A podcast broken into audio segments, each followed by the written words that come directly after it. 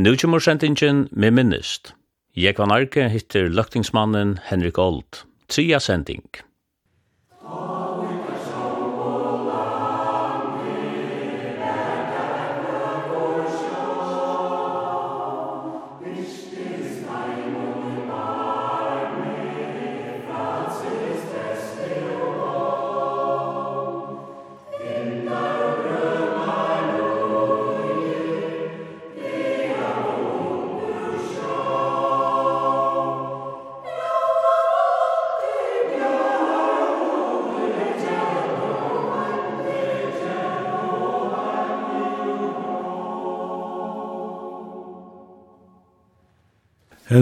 to hefur verið sjómaður alt ut vaksna løyve.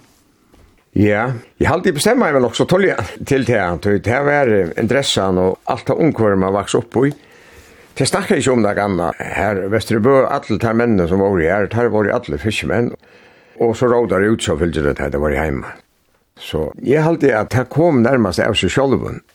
Det som stod om vetraner, det er elver i hver, stod og pratet under husen for kjellesene. Så snakket jeg der om der mette unga menn etter hvor ofta der er rundt av kappan. Det var ikke akkurat hos langt du vet ikke i skolan, men hos noen turer er det rundt av kappan. Og ta heima rundt av kappan enn 20, fyrir når det er godt vel til. Så, så var man goldtidsen og bruklig. Jeg engte fyrst og vetren ta 2-3 trus, det gjorde man flere vetrar. Og så får jeg ein tur av bankan vi City, og var i 3 trus, da var det 15 år alt. Vilmund Reksammer var kipare, Og her manglet jeg med over. Da kom vi i skolen etter en egnare. Da var han med i på med gommestolar og oljeklir. Og jeg fortsatte å banke vidt. Det var... Jeg fikk ikke opplevelse jeg kom ut her. Jeg har ikke land, så jeg nærmest. Og jeg har 45 stampar vi, og funnet holdt trus sentner. Og det var bæra toskur, bæra ivervaksen toskur. Så det var helt utrolig spennende hinner av mannen, der hilde ikke til at det var noe godt, altså, holdt trus sentner av 45 stamp. Men nå var det sista stampar, så det var stottur i model der det er det. Men her hilde til at det kunne være sinne bedre, men jeg helt at dette var fint, altså. Så det var det første ferie, prøva. Så kom Vari i Fyrutrus, hver i, i forrige av vørene. Det var så leser dere spilte fotball i Kjegeri, det gjorde jeg jo øyelig ofte, det var nærmast fast kunde. Så en dag så kommer Olaf, sånne Henning Jensen, som var og kvalpa. Han bor på i ikke bare om han vil Så kommer Olaf om han og sier, pappa som rabba min nia. Og jeg får så nia, og ta sier han om til jeg jo å komme i Jokkana Gården til Grønlands. Og jeg sier bare jeg på denne veien, og han sprir av nekrant og nek. Og så får jeg vester til hus, og sier det, vet jeg, at, at jeg får til Grønlands i Jokkana Gården. Jeg skal ikke gjøre noe opp til oppturer. Det er aldri ikke, altså, men, men ikke noen særlige protester om det. Mamma synes det min som bor i familjen, hun kom til å vokse, hun helt ikke at dette var det rette. Hun lukket som det. Jeg tog seg mye fra til, men, men nå har jeg sagt ja, og her var det ikke å gjøre det. Jeg får så i åkene gården den første turen til Grunnas, om Vari. Og åker Vari var han nøytja menn, så hei Johan Dahl funnet fætter i Johan Gottfried, han var leier av en fiskarfabrikk som tar et Fredrikshåp, Pamiot nu, og hei be han skaffa fem menn, såleis at de kom på 24. Og det hei han så rønt, uh, funnet fædre ut, det er jeg funnet. Men uh, det så for iver, så kom det merkelig at, at det kom en sånn influensa. Anker er vært smittet av Robert Arne Farnar sted, så nærmest alle fotler vi en influensa. Og jeg var sloppen noenlunde teg og skulle inn i Rettjavik etter Agni. da var jeg kommet noenlunda føtter etter. Jeg hadde vært nevna eisen i at teg og koma av Vestermann og Vestmann ta er det ute mot minnått til fulltid som hun skulle være inne morgen etter i Rettjavik. Og ta var sorsa jeg kommet opp. Og hon gørst i fullsprit og går nesten der i sjåverkjen. Der som var nøybeginnare og var fyra nøybeginnare. Kari Einarsson var i Doris Bjerkammer og Evald Holm med kvalt. Jeg vet ikke om jeg det vi kan uska til, men hun går alle første til grunnas. Og Henning, han har nægget opp, kjøtt mot kjarka jeg ganka, sjåvers. Jeg suttet til, det var sannsynligvis eneste for å løyve noe for å sutte et eldgås. Det var jo veldig da suttet, altså. Store klettar lukka som fadde ut utanfor utkanten av oss nere som sprente jo på hjørnet. Så hetta la en av 15 fjåringar her la i så vestre ur Vestmanøtjen. Så det var et øyla stort opplevelse, jeg suttet. Hisse øytna kom opp. Og hon er så her enn. Og var det rettja vi gatt rangene, og så var vi er, men det var alla tøyna av vindu, så var hyller ingra sjåvurs. Helt ekstremt rinj. Men da jeg kom vestur om Grønland, ta var det tretta mann som var sjult som lov i kotsin. Så var ikke stand til å begynne fiskaroi. Så Henning var alltid a fer inn i føringarna, Jeg vet om at man ikke kunne gjøre okkur vi a fyrir mennene kom fyrir kjøtt. Og her var det Sigvald Kristiansen av Skala som var doktor i Førengamlet da. Og han kom som vår og, og funnet penselinsprøyter, eller her som lovet da, det ble sprøyta i penselinsprøyt. Og jeg var åkte i en sånn pottamalin i skolda i vattnet. Det var ikke engangsprøyter, så man brukte på sammenhatt og skolda det i middelen. Så at, det var ikke alle som var så glede for disse kraftige sprøytene, men det er ikke flere ideer i Førengamlet. Arnog var i stand til å fære ut etter og, og drøye fiskar ui. Og ta heg så veri ui Fredrikshavn Pamjot etter sin grunnlendingen. Og der var det helt ok, det var ikke for der, og rasjer og skjøter, og det var det viktigaste av det hele. Det som var vi i sin tur, det var en nok så trygg på tur på Tammatan, er at ikke så langer, men Henning ble sjukker, han fikk med seg, og han var ofætelig tresker, Karlot Jakobsen var større med henne, og Karlot sier vi han flere for det, og måtte være inn, han måtte få lakna hånd da. Nei, det helt han ikke. Til enda var det akkurat så han gekk opp på sin leitaren, da her var nyr i skaffa i oppvattra bruttene.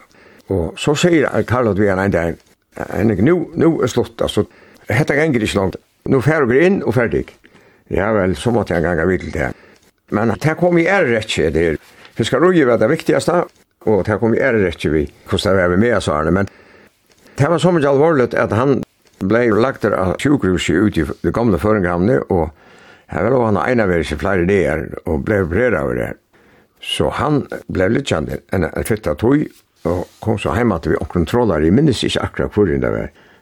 Han kom så ikke fra sted til den turen, da jeg var hjemme og landet. Og, og var ikke mange godt velkommen ut av det, så fikk jeg blindabetennelse og måtte være inn at reisene. Så Carlos sier, nu, helt annet, nu måtte være best å være hjemme, men jeg var for rett stand til at du kunne sikla inn. Det var en tur på 6,5 dager, og var turene ved Lønnebaden. Der lå vi bomene vi 3000 kroner i part, her lei. Og hessen turene var 2800 kroner, baden ble ikke fotler, 800 kroner, og i 6,5 dager. Så det var så som så. Får så hjemme landa, og Så for ivrater om sommaren, det var alltid snelle fiskar och sommaren. Hvis man ikke fikk på så får man løgne seiten i mest. Og det ble jo en fine tur. Du får ikke nægge i 100 tons ved snelle, og resten er i løgne. Det var 172 tons. Og jeg fikk knapp 2000 kroner. Nå ble det bare rei på penger, men det var helt jeg var en øyla gode turer å ta. 6800 kroner. Så på tammaten var det en fin turer. Og bare det var smekkfotler og kordet da sørste nye, da jeg kom nesten på Ponte Kvalberg, er framme under bakkan fisk i en rom her, og så kordet da nye, da jeg sjunket så frett at jeg slapp nye om dukene. Så bare det var proppfotler. Det var det. Så var jeg i Seborg og snella i og var i 35, Absalon, Absalon, sen var skipper, og snella i her vi fyrjer. Og så får jeg i Petra Gørnen, og var i 35 til Grønlands. Og her var jeg så i 35 og 36, og til under sommer i 23. Da ble jeg fast og med sjukker, og han kom hjemme til sjukkerset, og det gikk kjøttet skreiva veien, og, og jeg måtte så være hjemme, som naturlig var hestturen. Jeg var ein sildatur i middelen, det var en stort tur i Haugasne ved Alfred Holm, Det var enda bresten av silden i Kjeitrus. Det var øyla vanar fiskar ui, og drog vi en rikve i guttnen, men funnet 140 tonner men, men, ta vi er jo så heima til, det var Ivesteg, og han var ferden hjemmefra, postepapen min. Men man kunne komme ut för kjellet. Jag kunne gå när kom hem och han skulle nyer till Portugal att landa fisken. Och jag blev byen om att han i som däckare. I var nu januari 20 år også rett. Og det var ikke bare å att at jeg att, att ur Uruguay ner till Portugal. Så jag säger jeg beina veien så vant. Og det var reisende i Absalon som var kiberen da. Det var en øyde å få en tur og for nyer til Aberdeen og gjøre radarne stand og hei uisfisk, huis og i fristlassene som messerne som var arbeidsformer av gørne hei samla saman og jålene til batar som var ute. Så var hei nestan og påfristar ui. Men det var vanlig hus og li flere der i sånne kassene. Men lukka mykje, det var som den kravganger etter snera, du kunne finne en prus for det, annan utgjørs kjørst det. Så hun funnet inte reparera radaren og så får hon i genom. Det var en øylig trafikker å komma ved en sånn skip nye i kanalene. Og så setter hon kors nye til Portugal. Och var en tutsi der här nere och landade i. Og på sånne pramar. Det var øylig speciellt. Og så får pramaren inn etter en flåte. og her var et hev av hon får landa i. Til bor i kurven av hutten, fisken og pur. Det er som pramen så torska jeg det, jeg torska roi, men det var troer som var oppfra, men det som lukt mest, det som også brukar torska hodgvi, som det leie fiskina, en torskeløa, så, så det er ikke stod i nybukka i, det er helt i veldig smart. Og var i Lissabon etter um, Sissali, var i Rikve, Sissali løgn hjemme at vi. Så det var en forferdelig stortlig tur, hadde jeg opplevelse å få. Portugiserne gikk ikke tjokk og jakk, og noen gikk ikke bedre av. Her var det 17-18-20 grader og grillet var rujkjelig heit av gang i kjørsti. Så opp var oppa til vestanfri Skottland og oppa til Tannbyen, så det var en øyla drikk for turen. Men jeg heldig det var en øyla stottlig tur, og kan ofta snakka om han. Der som var vi, som er i etter av folkene, og kan snakka om hvordan stottlig som turen var, til å komme til et sår land, det er jo så omgå det drømt om at man kom til. Ellers er jo Boppingen nok til å være nere i Portugal og landa heila lasten, at vi er heim skal ro i å direkta nere i Portugal og landa. Så det har jeg prøvd det. Så jeg var, jeg sier Arne vi pedagogen, det var fint, og jeg er alltid man kjente han ble godt. Andreas Mikkelsen var kjipare, som jeg nevnte eisen i at kokkeren, det var en, jeg vil nesten si en gammel med over Sandvik, eh, Paul Mørk, og han var finner kokker, og den første som, som kunne skaffa, der, der skulle morgenmøtene være klare klokka 6 om morgenen, så han var oppe i klokkan halvgen seks, Og så stod vi engt i skolen, og noen hørte at da jeg kom opp, Sindre Aron Holger 6, ta sankan, jeg har bott ved en landsvik i hela mitt liv, og sitt mennesker komme og gå, ta sankan, hvordan den eneste morgen. Da jeg begynte det så det var veldig stort til det. Han røkte pipe, og hvis han var på bruttene da jeg og styrte, så har jeg Sindre problemene av sjåverket til pipan. Hun fabrikerer i sjåverk nesten.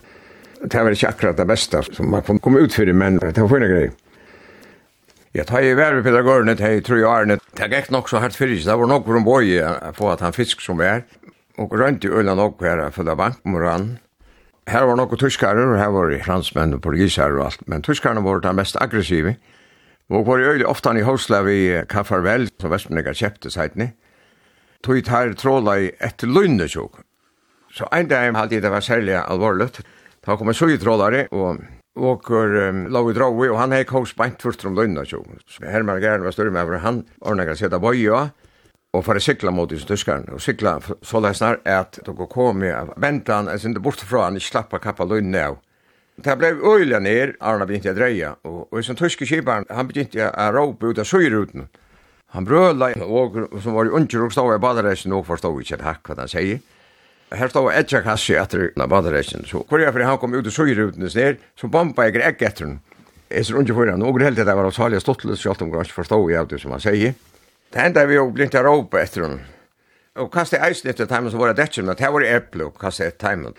Tar får seg bare fram under bakkene, sittla ikke så stod der her. Men kiparen var desperat. Han blev vi, jeg kom ut i rutan, han kjältas mot og hvor och kvar han kom ut så bomba jeg egg etter den. Så det blev ett öjderåk og ropte så etter honom Hitler, Eichmann, Bormann. Det ble absolutt ikke bedre ta. Så jeg at han vil gjøre åren, han blei ikke minne gjøre ta. Det enda så vi tog at han fikk ikke fætre løgnetjongen eller kappan av, men det var et harstroi.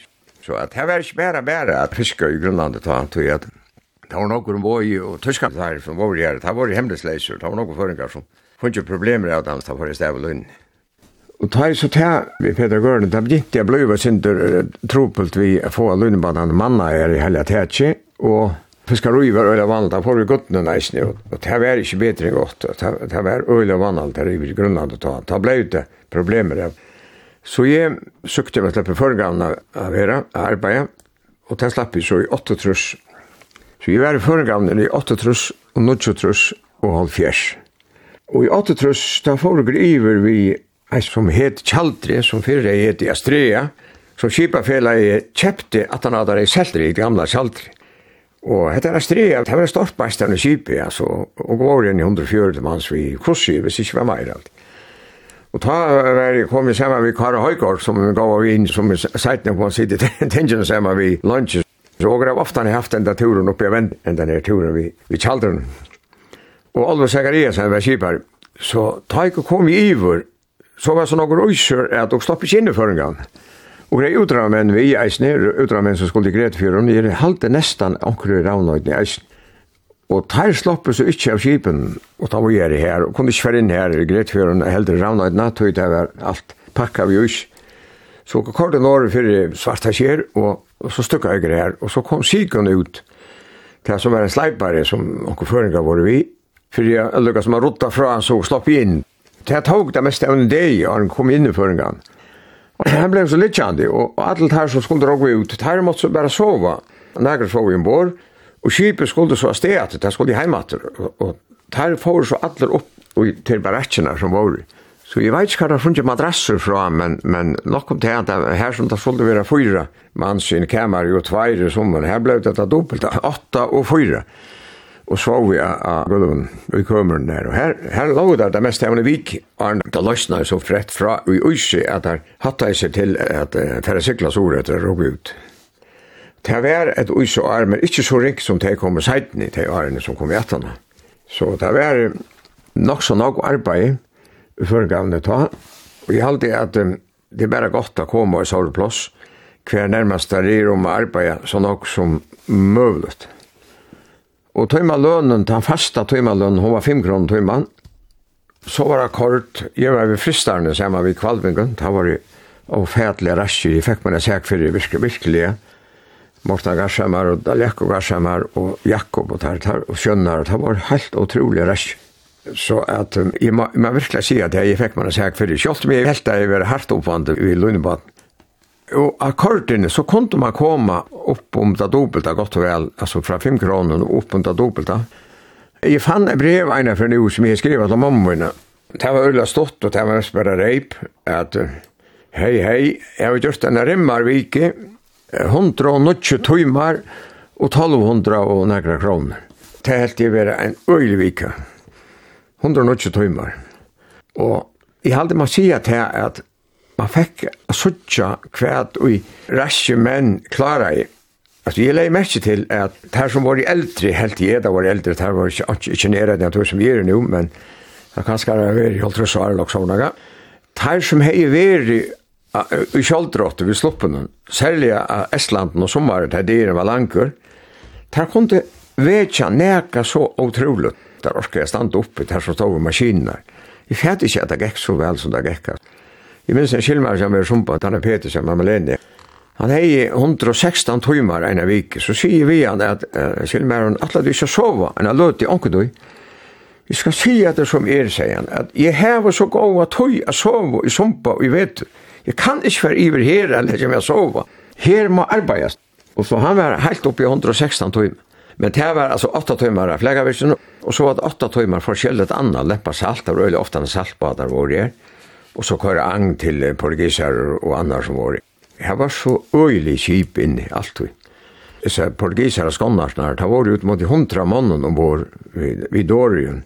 Det var et øyelig folk der, og så var tyske trådare. Det var helt øyelig nok folk. Så det tre år, det arbeidet av mjølfabrikken i Servin og Sørvei, var sjefer av mjølfabrikken, og det tappet i mjøl. Og det var reisende fint, de helt at det var fint. Man var sin spesiell, jeg har domt nesten alt som jeg har funnet i eisen til at tappa mjøl var, var fint, og, og her la lønnen er sinter omma for iser her.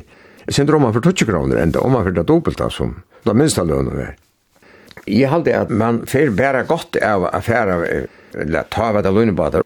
Man kunne nesten velja som man ville til lønnebadar, altså det var jo Akraborg og Sumpa, og, og vi var jo vår fem trutjer av gørnen, og Old Hotten, Thomas Kreier, og Porcher var tveir, Porcher Snes og Porcher Ninger, så at uh, man kunde nærmast velja som man ville, og så var det flere at hører i eisen. Og så vet jeg til mittelen øysiske turene, til bare det var nye landet, da var man ikke nye vi alle, det var bare noen fag som var nye vi. Så kort jeg i bilen til Kvalbjerøs, her var det alle så rundt som var i bare sumpor, parker, var jo æresna vi, og hører i eisen. Så møttes dere i Kvalbjerøs, her var en restauration som ble oppført for Jack Ruby, Det var att han Kennedy var som var det var så namn som kvadmegener från ja. Och här var ofärdliga stottlut. Och det ena så plats som var uppe mitt i vik, alltså mannakvöld och torskvöld och anskvöld. Och så går fåre för husen klockan 8 om kvölden till halvbärs. Så här var det gott ena för utan natten. Han säljde pilsur och det var en gryta som stod över ja. Det var kjellest stor krut. Han släppte ni rysa grytna ena för en kvöldi og det var det så fyrir halva natten eller loksavnaga. Og jeg vet til meg at det ble sorat, så stukka jeg ofta inn i tunnelen, det gamla tunnelen, det større parkeringsplassen der. Og her er jo så musikk fra bilene er jo finere, tar ofta fri klafflokker, men akkurat plassspillere og hva det var. Så her inne stod jeg ofte en tøymel av meg, og kom åke bilen fra Boje, så det tog han så høyt tidlig om at jeg stoppet en løt. Det var så fei biler rekordet av tunnelen her, altså. Så her stod vi ofte en løt i eisen, og heita stått løt. Det var et øyelig løyv og fotrøy. Og i Kvalpa var det mest det var ikke det andre vikene, og så klumpene tvører, og så fremtiden var i leierfullt, og frutjafullt kanskje, men mest leierfullt. Så det var otroligt stottlet, og møttes alle som var i Grønland, og som, som er i veret til fiskaroi, og, og var stadig vekk, og kunne ikke prate sammen i sentrum. Det. Så jeg hadde at det var viktig. Man lærte at uh, en løgnebade geng med vakter, og du skal møte opp, du, tar teker løgnen ur hånden i at mannen som du løser av. Så til Ranjan Bøen, hvis du ikke møter opp, sier, så slipper han ikke å turne inn, det han skal turne inn. Så man lærte til å møte opp og passe til det som man skulle passe. Jeg halte bare en fin lærdom, altså. Det kom ganske til fyrre mån at sætni, at man får en årsjåken, og her var nok vedkjeng, altså. Jeg halte at, jeg kan si at, at lønnebadene lærte der unge mennene øyla nok, og det var nokkur som funnet en gav barlast vi er. Og i grunnen av det eisen, særlig, Det det var så fantastiska gott vi är ofta i Grönland, allt sommar. Jag var kände Altan och, och det som var. Så följde det och kom inte känna något in i landet. Nu att han har kom politiken är det kommer mer in i landet. Nu ser det ett helt annat land. Du kommer in hva de sier og hva de gjør og vekser og alt det. Ta vet at akkur skjer og noen russisk som så ut her man vel Lundbad, bortsett fra inn i føringan. Men jeg må si at her at i føringan, hvis man hoksar om et arbeidsplass, et førest arbeidsplass, så var det helt utrolig stort. Jeg kom uh, seiten i teg til Tintja Sita ved Søyne og Tore Omar Olsen, Sante som var slekt av Trundsvei, som var formøver av en Nordafarbati, og Jørgen Thomsen som var smimøver i Førngavni, Hina Søyne, Det var øyla stottlet å komme her sammen ved heimen, og Paul Jakke Olsen og Klaksug var inne for Willem, og han, det er Willem for landstøri, og han var utdrag med over Agosnai, så hei vi flere for å funnet premie fra Kjølbro, for det råk vi ut. Så åker hei øyla nok at snakka om, øyla nok i døra stukken og alt det der. Jørgen Thomsen sier til at ta i mest være føringavn, vi batene som avreide er rundt om eisen i Gretefjøren, men som avreide i føringavn, ta var i 500 folk. Det var nesten det samme folk som bor i Kvalpa. Så nok folk får iver her. Vi minnes det en tur heimater vi ene som heter Grete Nilsen, det var en stor frakkbater.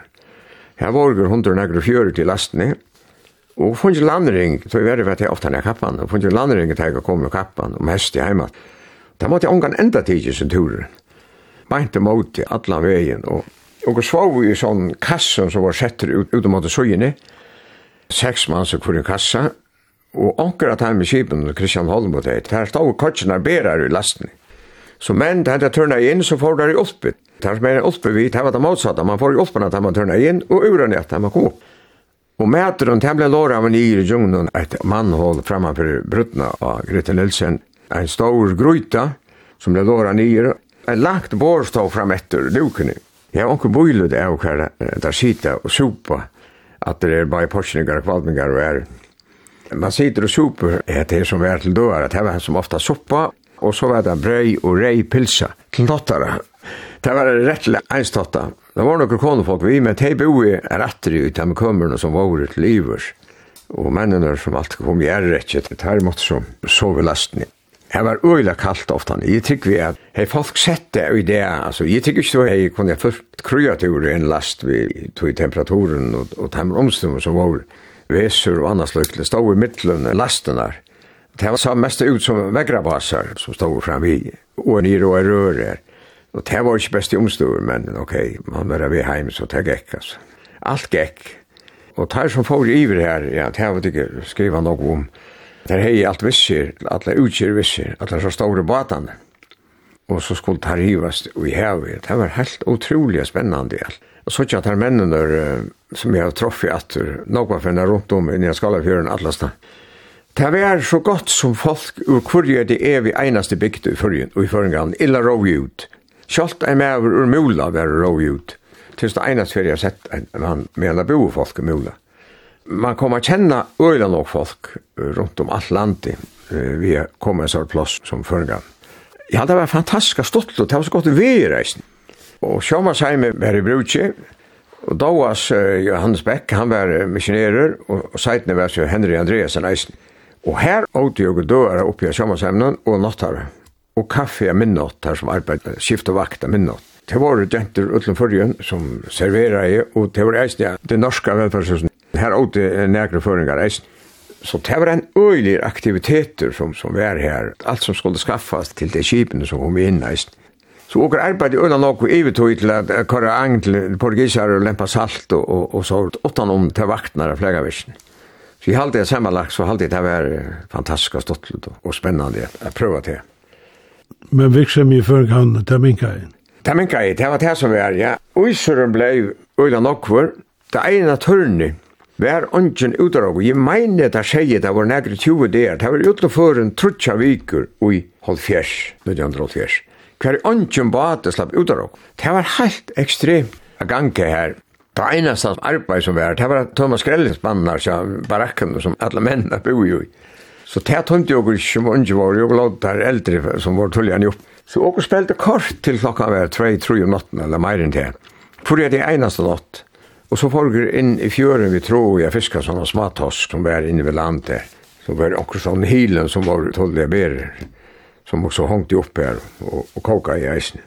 Det minket i øyla nok, særlig i halvfjers.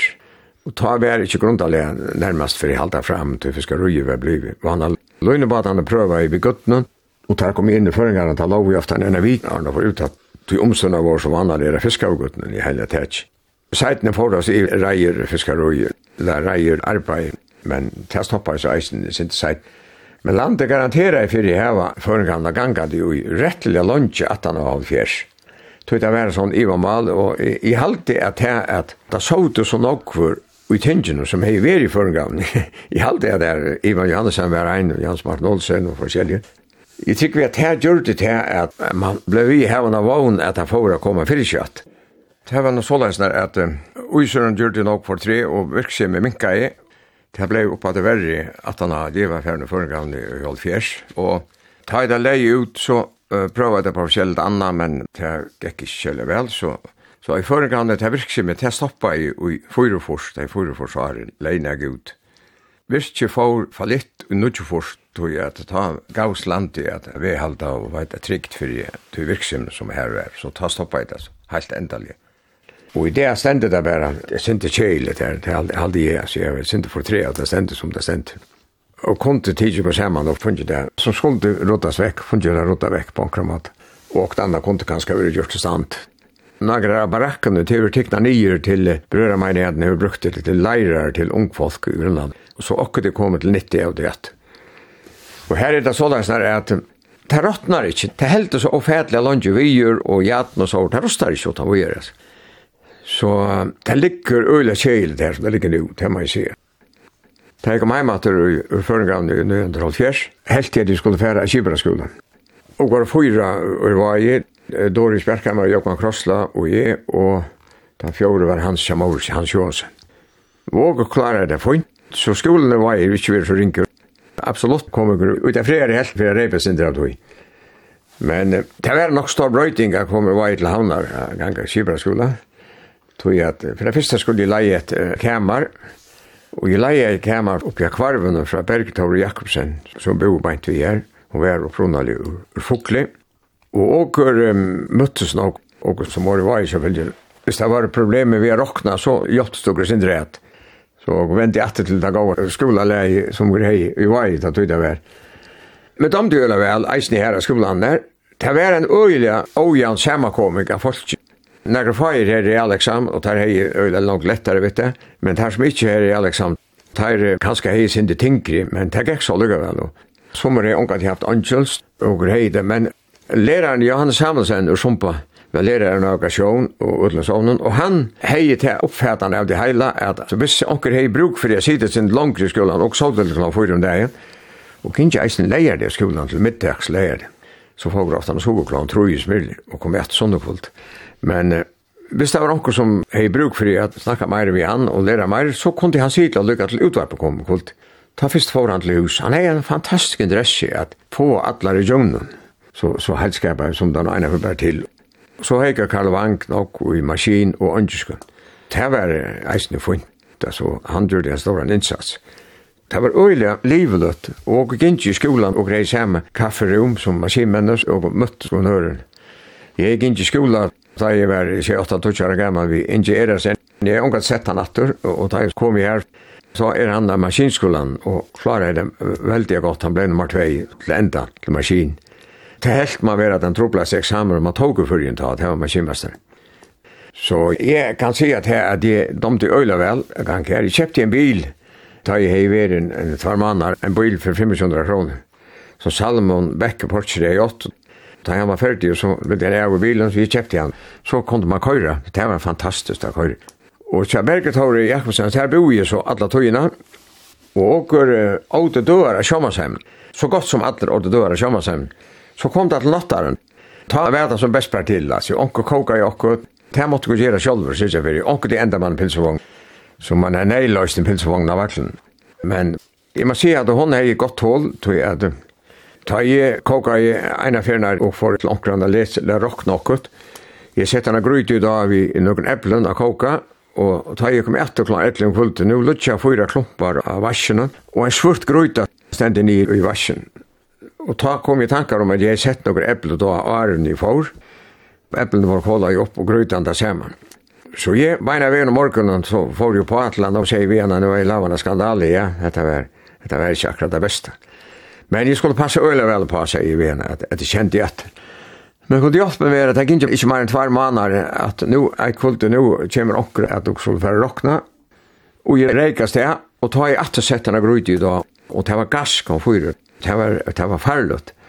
Men du vet, bo en dame här eisen, så hon har upp det till och ta ju kom etter, etter och nu lägger jeg etter trutsch svarta klumpar, och i vassen, og henne bränta grytan, for är er för. Så tänkte jag okej nu är det rätt att göra og tera, packa samman och finna seg åket annat bygg. Så beina vi om och så manga ju på upp jag har verkat året, og vi ena ja, nu, nu var jag helt, kjera klart å packa nye, nu var att gale i, i, i, i dyrskuldet. Vi är sånn bränt äpplen och gryten, Ja, dette var, dette var ikke godt, sier. Og så sier han, men allikevel, det er tann fire måneder at du er edruer. Så jeg halte allikevel at jeg skal ha en chans. Jeg sier så vi gjerne at jeg, Jeg vet ikke hva måneden er, om man sitter eld av husene, man er edru eller, eller, eller man er kjenning, det er ikke store måneder Men allikevel, helt henne jeg skulle, jeg sier så jeg skal lova eit, jeg skal ikke seta ein bit og då, ikke ein bit, Vi skal ikke tendra eina plati at vi ikke kan fortsette. Ta, ta var som man tar manna rett. Ja, ja, nu, nu skal vi kare det vågjere, og hette var nokka ganga. Det helt i så fra, jeg tendra i aldri gå att at han hadde det. og så hatt det såret som man opplever. Ta man fyrir a kokka sjolver og, og slappen undan det deres år der. Og kom vi alle vel i jungnen, og det var en, en fint og kom vi ut, ut i julemann og åren.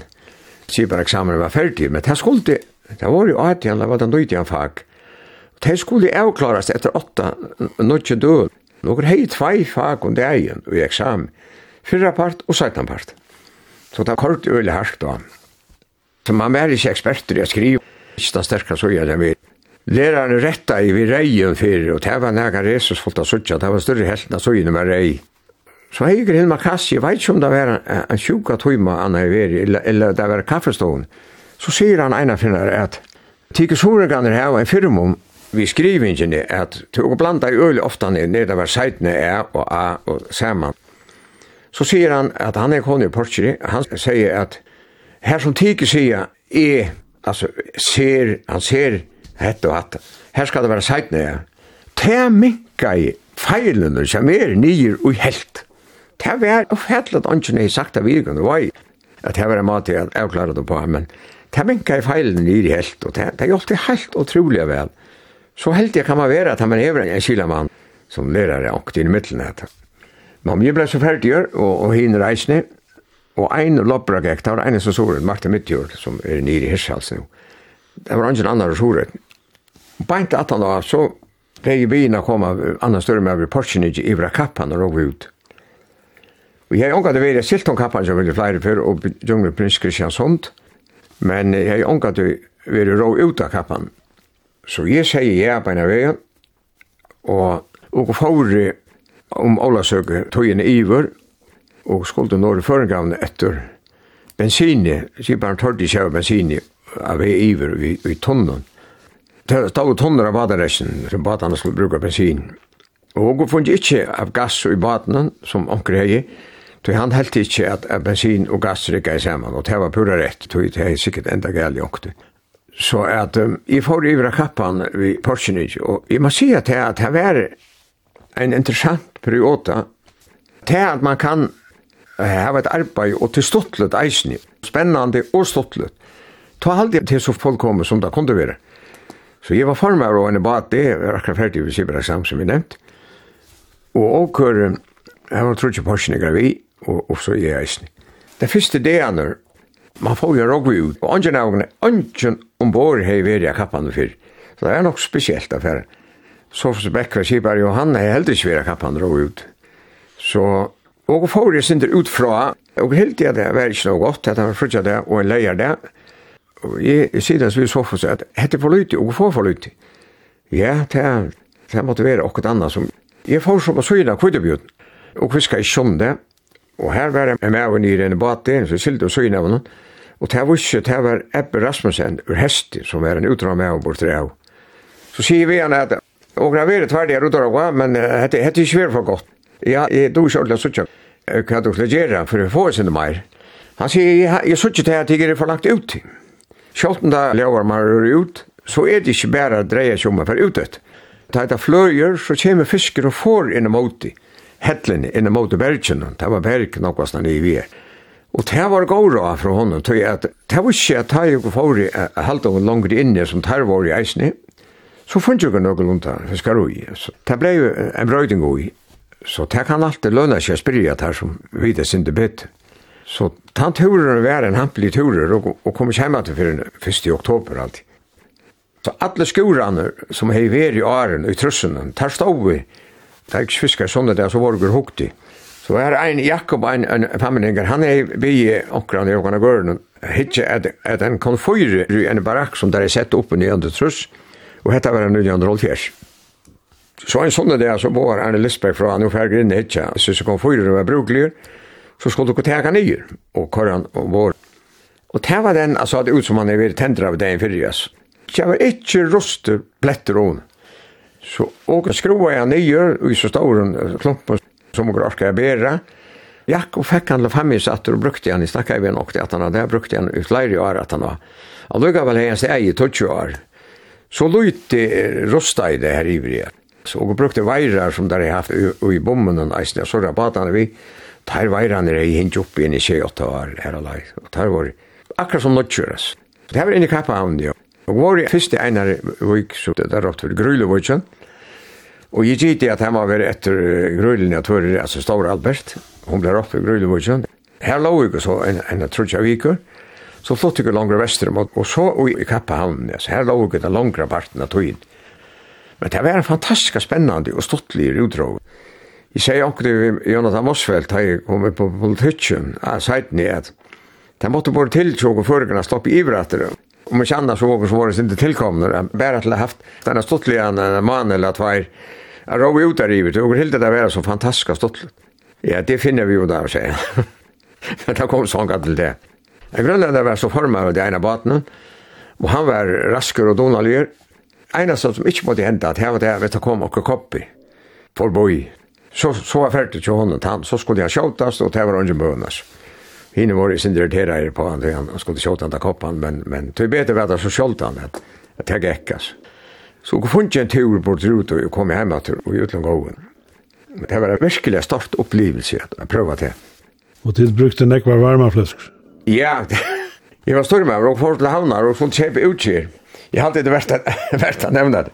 Och var sejt till han med vi tillsammans. Och man skulle ha två varma fläskor per man. Det var stora. Så fyllt det ut, av var øyla langer det er, går ut av. Så jeg fikk ordet der fra Sofus, jeg var nede til Marie Poulsen, at jeg spyrir om der tjei varmaflusker og selger. Jo, jo, jo, her var en ung dame, hon, jo, jo, varmaflusker hei det, sier hun. Jeg sier at, at det skulle være rømla stora. Ja, det er hei stora.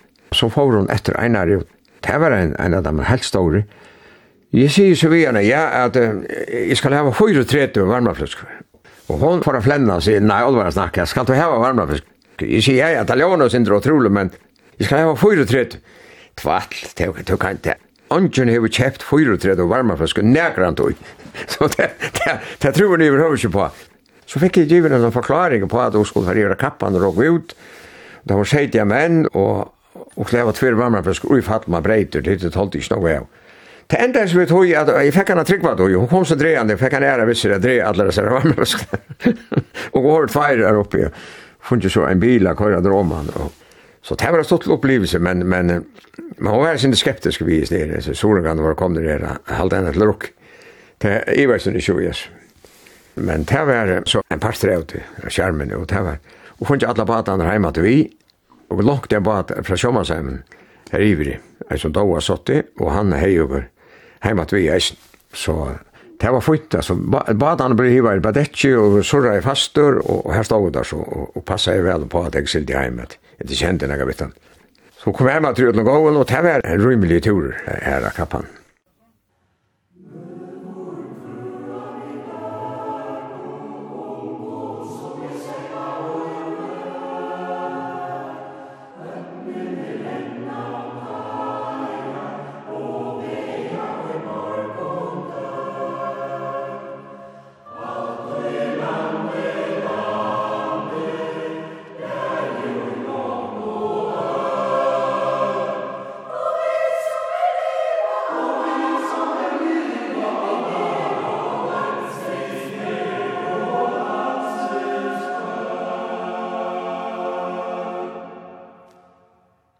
Hatta vær med minnist.